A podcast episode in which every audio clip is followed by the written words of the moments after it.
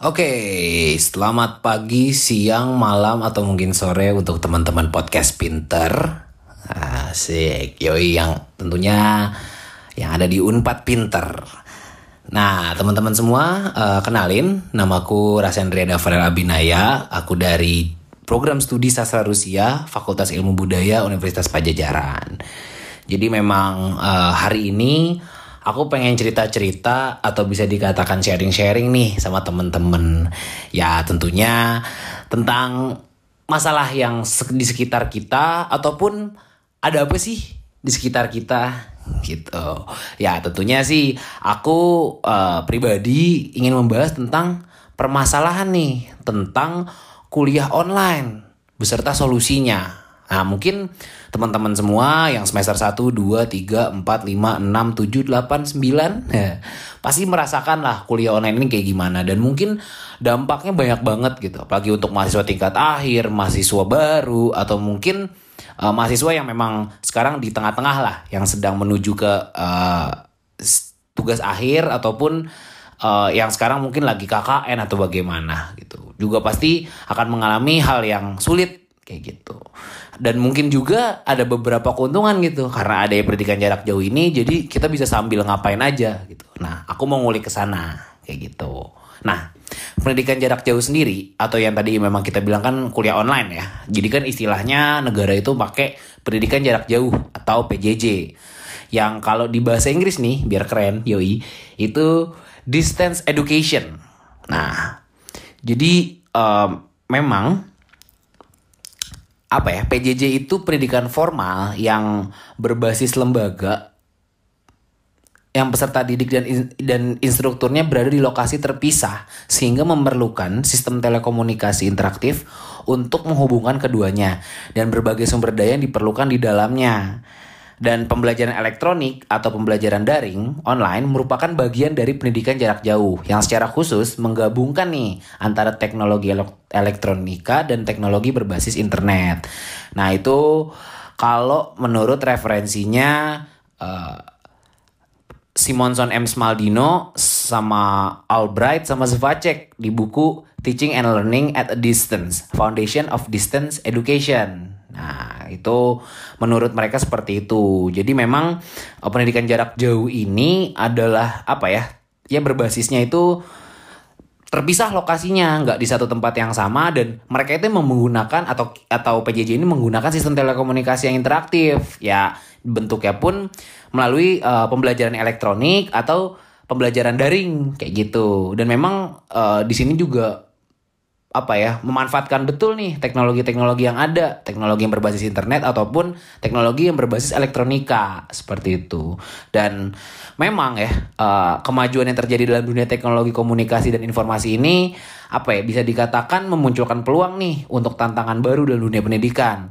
Karena uh, yang seperti kita tahu mungkin orang-orang akan dituntut untuk adaptif dan untuk uh, coba bisa untuk uh, mengerjakan nih. Kayak gimana sih uh, eh, PJJ gimana sih cara untuk membuat sistemnya dan gimana sih caranya belajar yang enak ketika PJJ. Nah itu pun masih banyak banget nih yang mungkin belum bisa adaptif ataupun berusaha adaptif kayak gitu. Dan memang uh, selain itu juga memang uh, peluang ini juga merupakan akses yang lebih luas nih uh, untuk konten multimedia yang lebih kaya dan berkembangnya metode pembelajaran baru yang memang akhirnya kita udah nggak dibatasin nih sama ruang dan waktu gitu. Kasarnya kayak gitu. Karena ya kita PR uh, semuanya udah bisa nyangkut di internet. Terus uh, apa pun juga kelas pun bisa kapan aja di mana pun dan jam berapapun. Walaupun kadang-kadang memang ada mungkin aku nggak tahu sih ya kalau di Unpad gimana belum pernah dengar kasusnya tapi ada beberapa universitas yang kadang luar biasanya kelasnya bisa sampai malam atau mungkin mulainya malam kayak gitu juga. Ya walaupun dibatasi apa ya nggak dibatasi ruang dan waktu tapi kan kita juga harus ngertiin kali ya kalau misalkan orang-orang pengen belajar atau orang-orang pengen uh, nugas itu juga nggak bisa 24 per 7 gitu yang bener-bener selalu gitu ngeliat ke internet. Kayak gitu. Karena kan memang uh, kalau mau filosofisnya mah otak kita ini kan memang diciptakan untuk dari zaman jutaan tahun yang lalu gitu. Terus menghadapi teknologi yang wah semakin canggih dan wah udah. Sekarang otak kita bahkan udah kelewat lah kemampuannya dibandingkan internet kan. Di kita bisa nyari apa aja di internet sedangkan otak kita ya gitu-gitu aja gitu. Dan perkembangannya juga berdasarkan menyerap informasinya kayak gitu. Dan di sisi lain memang akhirnya kemajuan teknologi ini dengan beragam inovasi digital uh, apa ya menghadirkan challenge atau tantangan banget sih. Untuk infrastruktur pendidikan ya baik si penyelenggara pendidikannya atau universitas karena kan harus bikin platform-platform tertentu gitu yang akhirnya bisa mengaksesnya itu lebih mudah, lebih cepat, lebih efisien gitu buat yang yang memang akhirnya belajar. Dan ini pun juga tantangan baru gitu untuk yang si belajar ini karena bisa jadi karena belajar dengan internet bisa terdistract oleh hal-hal yang lain yang berbau sosial media atau apa pun gitu yang jadinya uh, nggak fokus ke belajarnya gitu. Kadang ya jadinya juga uh, pemantauan-pemantauan ke pebela orang yang belajarnya juga jadinya nggak kelihatan. Kadang ada yang iseng akhirnya ada yang main uh, sambil main game. Atau kadang-kadang kalau misalkan teman-teman ada yang di zoom tuh kan bisa ganti background ya. Backgroundnya diganti pakai foto dia sesuatu ngeliat kan bisa kayak gitu kan ya kayak gitulah. Jadi memang apa ya tantangan baru banget lah challenge-nya.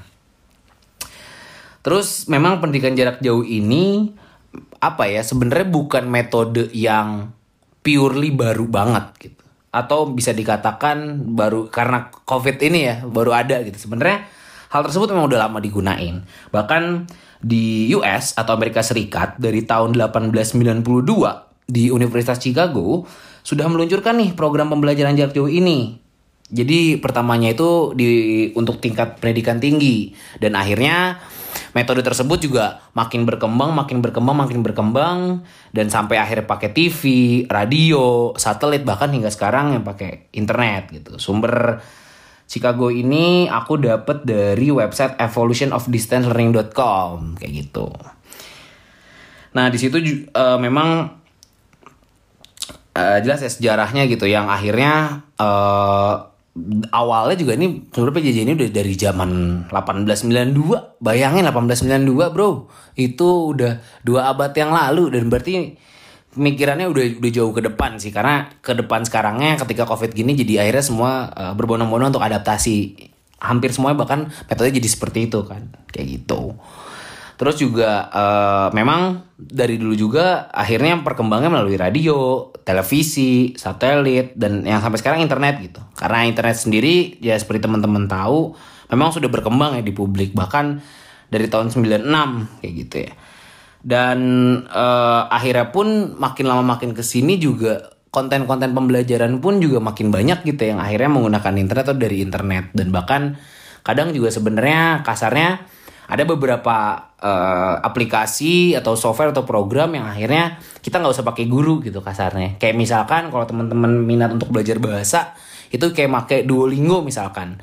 Dulu aku waktu baru mau masuk sastra Rusia karena bel, apa ya kosong banget belajar bahasa Rusia dan belum pernah les sebelumnya, aku coba cari tuh aplikasi dan yang paling cocok Duolingo sih karena asik aja gitu mereka lebih interaktif dan lebih simple untuk belajarnya kayak gitu apalagi tentang uh, apa ya cara bercakapnya terus uh, ragam bahasa dan lain-lain kayak gitu. Itu dari dari Duolingo.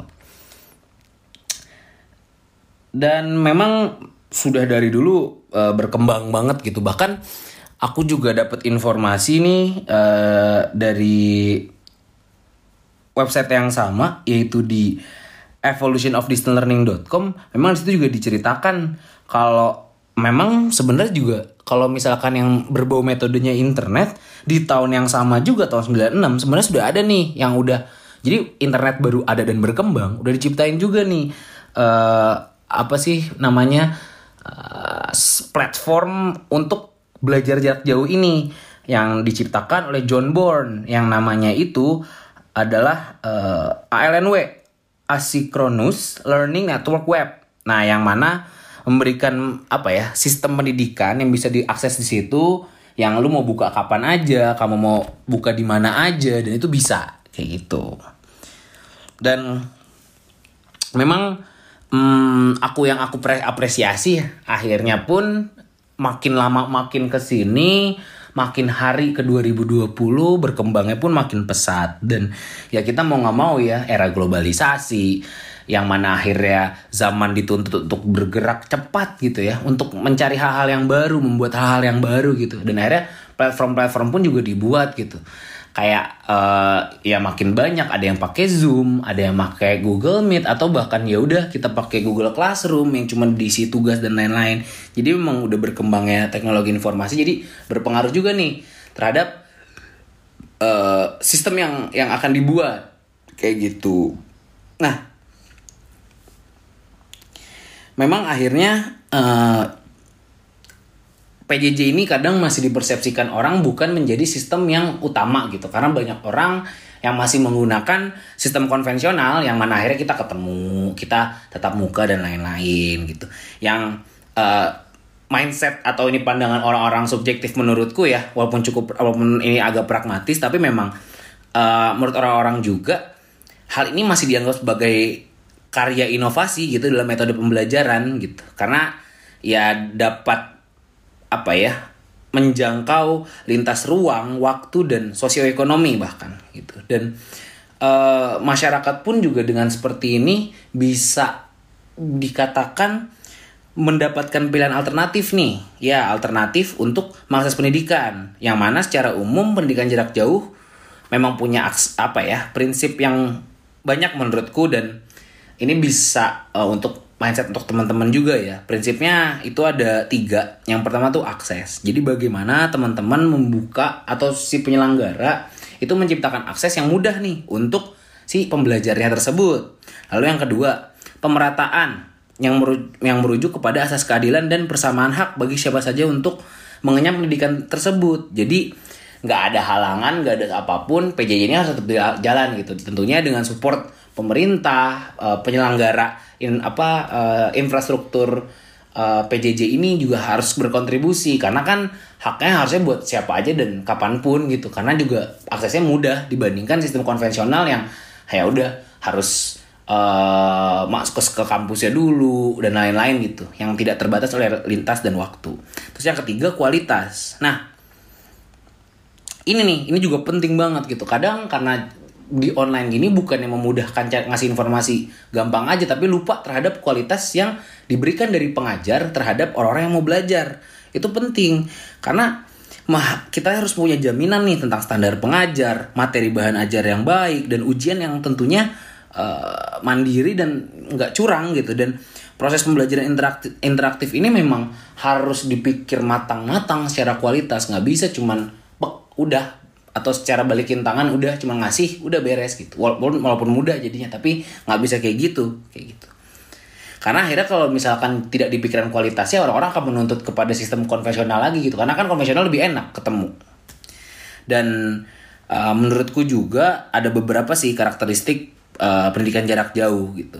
Yang pertama pastinya jelas pengajar dan peserta tidak satu ruangan. Dua penyampaian ajaran materi pun dilakukan dengan media atau platform internet. Tiga, menekankan cara belajar men men mandiri. Nah, tapi harus ada yang bisa mengaturnya, lembaga ataupun uh, kemandirian kita untuk mengatur hal tersebut. Terus ada uh, keterbatasan pada pertemuan tatap muka. Nah, biasanya ya karena memang akhirnya juga kondisi COVID gini, mungkin dikata kita perlu sih sedikit ada tatap muka gitu. Tapi akhirnya kita juga jadi nggak banyak gitu. Dan walaupun aku juga dengar di Unpad ada beberapa fakultas yang masih tatap muka gitu. Walaupun ada pro kontra di sini ada tatap muka tapi nggak banyak cuma sekali dua kali. Tapi ya tetap uh, mungkin dalam PJJ ini yang memang paling nyamannya gitu lah. Mungkin juga karena sejati manusia ya ketemu orang langsung gitu ya. Karena ngobrolnya lebih beda gitu. Karena kita bisa menyebarkan aura menyebarkan uh, apa ya rasa kita tuh lebih lebih terbuka gitu ketika kita bertemu langsung dibandingkan uh, dengan online atau daring seperti ini kayak gitu. Uh, lalu berikutnya itu fleksibilitas dalam proses pembelajaran. Nah ini penting karena dalam belajar dan apapunnya harus fleksibel, nggak dipersulit, nggak diperumit dan uh, mudah aja kayak gitu. Dan uh, memang apa ya secara teknologi pun uh, kita jangan apa ya uh, tadi aku juga udah pernah bilang di awal ya karena kualitas teknologi uh, kualitas pembelajaran atau pematerian itu juga berpengaruh akan teknologi juga gitu karena kalau misalkan kualitas sudah baik pemateriannya udah cakep tapi teknologi yang nggak paham ya mau ngomong gimana gitu karena orang kan juga pengen akses yang cepet gitu. dan uh, memang membutuhkan teknologi yang cukup uh, cukup dalam gitu ya walaupun bentuk digital atau bagaimana kan bisa tuh pakai surat elektronik ya video konferensi atau bisa dikatakan ada membuat forum diskusi yang bentuknya jar apa ya ya jaringan gitu melalui sosial media atau bagaimana. Nah, uh, walaupun akhirnya apa ya? Walaupun akhirnya memang belajarnya pun jarak jauh dan uh, kita sudah tidak ada batasan geografis ruang dan waktu, tapi memang ada beberapa hal yang ketika disampaikan melalui internet ini tidak menangkap secara gesture dan ekspresi dari pengajar peserta didik yang kadang akhirnya uh, pemberian uh, hal yang batiniah yang seperti ini kadang nggak kerasa yaitu melalui ekspresi dan gerakan mereka gitu. Kadang ada kan apa ya hal ini memang suka susah dideskripsikan tapi ada feel ketika kalian ketemu langsung itu akan lebih terbuka gitu auranya satu sama lain walaupun ini nggak nggak nggak apa ya nggak referensi ilmiah banget tapi ada hal tersebut gitu yang kayak kita nggak bisa jelasin tapi harus ketemu gitu. Dan memang sebenarnya masih banyak lagi sih teknologi-teknologi yang komunikasi yang lainnya bisa ngebantu banget nih untuk PJJ ini. Ya mungkin buku elektronik atau mungkin kita pakai uh, YouTube atau mungkin uh, dari mungkin film dokumenter Netflix kalau em emang atau enggak yang ada kuliah film juga nonton di Netflix atau gimana gitu jadi akhirnya banyak hal yang bisa di dimanfaatkan gitu teknologi di internet nah buat keunggulan dan kelemahan PJJ nah PJJ ini keunggulannya banyak dan kelemahannya juga banyak. Nah, keunggulannya menurutku ada tiga. Yang pertama, proses pembelajaran dapat dilakukan tanpa dibatasi uh, oleh ruang dan waktu. Jelas, tadi yang aku udah sebut di awal. Dua, penggunaan teknologi dan informasi uh, jadinya lebih enak gitu karena uh, mungkin biayanya kalau dihitung secara logis ya daripada sistem pendidikan konvensional gitu. Uh, kita di kuliah bayar bensin, kita makan segala macem ya, banyak hal gitu. Itu akan boros gitu. Tapi ketika emang kita di rumah, mungkin satu sisi kita bisa jadi lebih hemat gitu karena ya mungkin juga cuman dikasih kuota gitu. Tapi ingat ya, kuota ini juga menjadi tanggung jawab nih untuk penyelenggara infrastruktur yang tadi aku udah bilang di awal. Bahwasanya jangan sampai semua orang yang belajar tidak dapat hak yang sama gitu. Karena ya prinsipnya keadilan, semua harus dapat. Makanya ini juga penting. Uh, karena kan tujuannya juga untuk memper apa ya nggak bikin orang boros dan bikin orang lebih hemat gitu jangan sampai akhirnya kita boros buat pakai kuota gitu terus juga materi ajar juga akhirnya kan karena gampang dan bisa tersimpan di mana gitu misalkan di internet jadi ya teman-teman bisa ngebacanya berulang-ulang ataupun bisa mau ngeliat lagi dan lain-lain kayak gitu tapi walaupun seperti itu tentunya banyak kelemahan nih dalam metode pendidikan jarak jauh jadi uh, minimnya kontak langsung antara pengajar dan peserta didik. Jadi ini memperlambat proses terbangunnya relasi sosial dan nilai-nilai yang menjadi tujuan dasar pendidikan. Ya bener kayak aku bilang juga di awal kayak ada rasa yang nggak enak juga. Nilai-nilai sosial ekspresi atau gerakan yang nggak bisa disampaikan di uh, media gitu. Belum ada yang bisa menyampaikan gitu. Kecuali ada hologram kayak Star Wars gitu. Nggak juga sih sebenarnya. Terus yang kedua rendahnya kontrol terhadap proses pembelajaran serta sebagai implikasi dari cara belajar mandiri menjadi berat dari pendidikan jarak jauh. Ya, karena uh, ini yang aku bilang juga di awal gitu. Mengkontrol dirinya pun jadinya lebih suka-suka dia. Dan kadang orang bisa memanfaatkannya dengan curang gitu. Ya kayak misalkan di uh, video reference Google Meet atau Zoom-nya dimatiin. Atau diganti pakai foto background. Atau di ya pokoknya bisa banget dicurangin yang sebenarnya kadang di pembelajaran itu harus ada penegasan dari sang guru gitu ya. Untuk anak-anaknya biar pada mau. Kayak gitu. Terus yang ketiga, keterbatasan teknologi komunikasi yang tidak dapat menghentikan penuhnya proses komunikasi dan interaksi secara langsung terjadi dalam pendidikan konvensional. Yang seperti aku bilang gitu, ada komunikasi komunikasi yang tidak dua arahnya kurang terasa juga gitu ketika memang uh, itu daring gitu dan sebenarnya masih banyak banget kalau kita ngomong kelemahan dan kelebihan dan memang dari permasalahan-permasalahan ini solusinya juga cukup banyak gitu ya. Dan uh, dari aku tadi cuma menyampaikan mungkin beberapa referensi atau uh, pendapatku ya, so, ya walaupun mungkin ada yang subjektif atau mungkin tadi ada yang objektif. Hmm, bang, mangga menurut teman-teman seperti apa? Dan dari aku mah intinya dari setiap masalah yang ada ketika kita posisi covid ini kita harus tetap ngesages diri kita buat tetap selalu seneng, tetap buat bahagia, tetap cari yang keseimbangan nih antara belajar dan kebahagiaan kita gitu. Jangan sampai kita terus gila belajar gitu loh. Ataupun juga sama kita terlalu bahagia dan kita sampai jadi lupa belajar gitu. Intinya dunia ini harus semuanya seimbang gitu. Apa pun dalam hidup kita semuanya seimbang. Jadi ketika ada masalah-masalah pun kita harus juga mencari solusinya gitu. Jangan sampai kita terpuruk dalam masalahnya aja karena ya tadi aku ngomong tentang keseimbangan.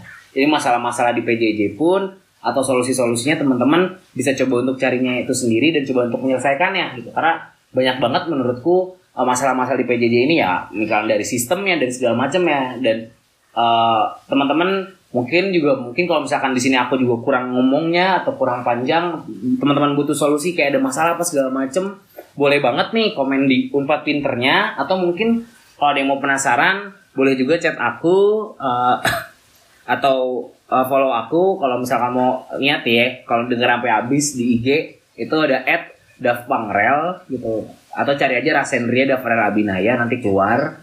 Atau uh, mau add ID lain juga boleh di Rasen titik Gria mangga teman-teman kalau ada yang mau cerita-cerita tentang PJJ dan mungkin uh, mau ngobrol lagi sama aku mungkin aku bisa ngasih beberapa referensi solusi untuk teman-teman gitu. Karena yang akan mengerjakan solusi itu teman-teman gitu. Aku di sini hanya cuma membantu memberikan referensi.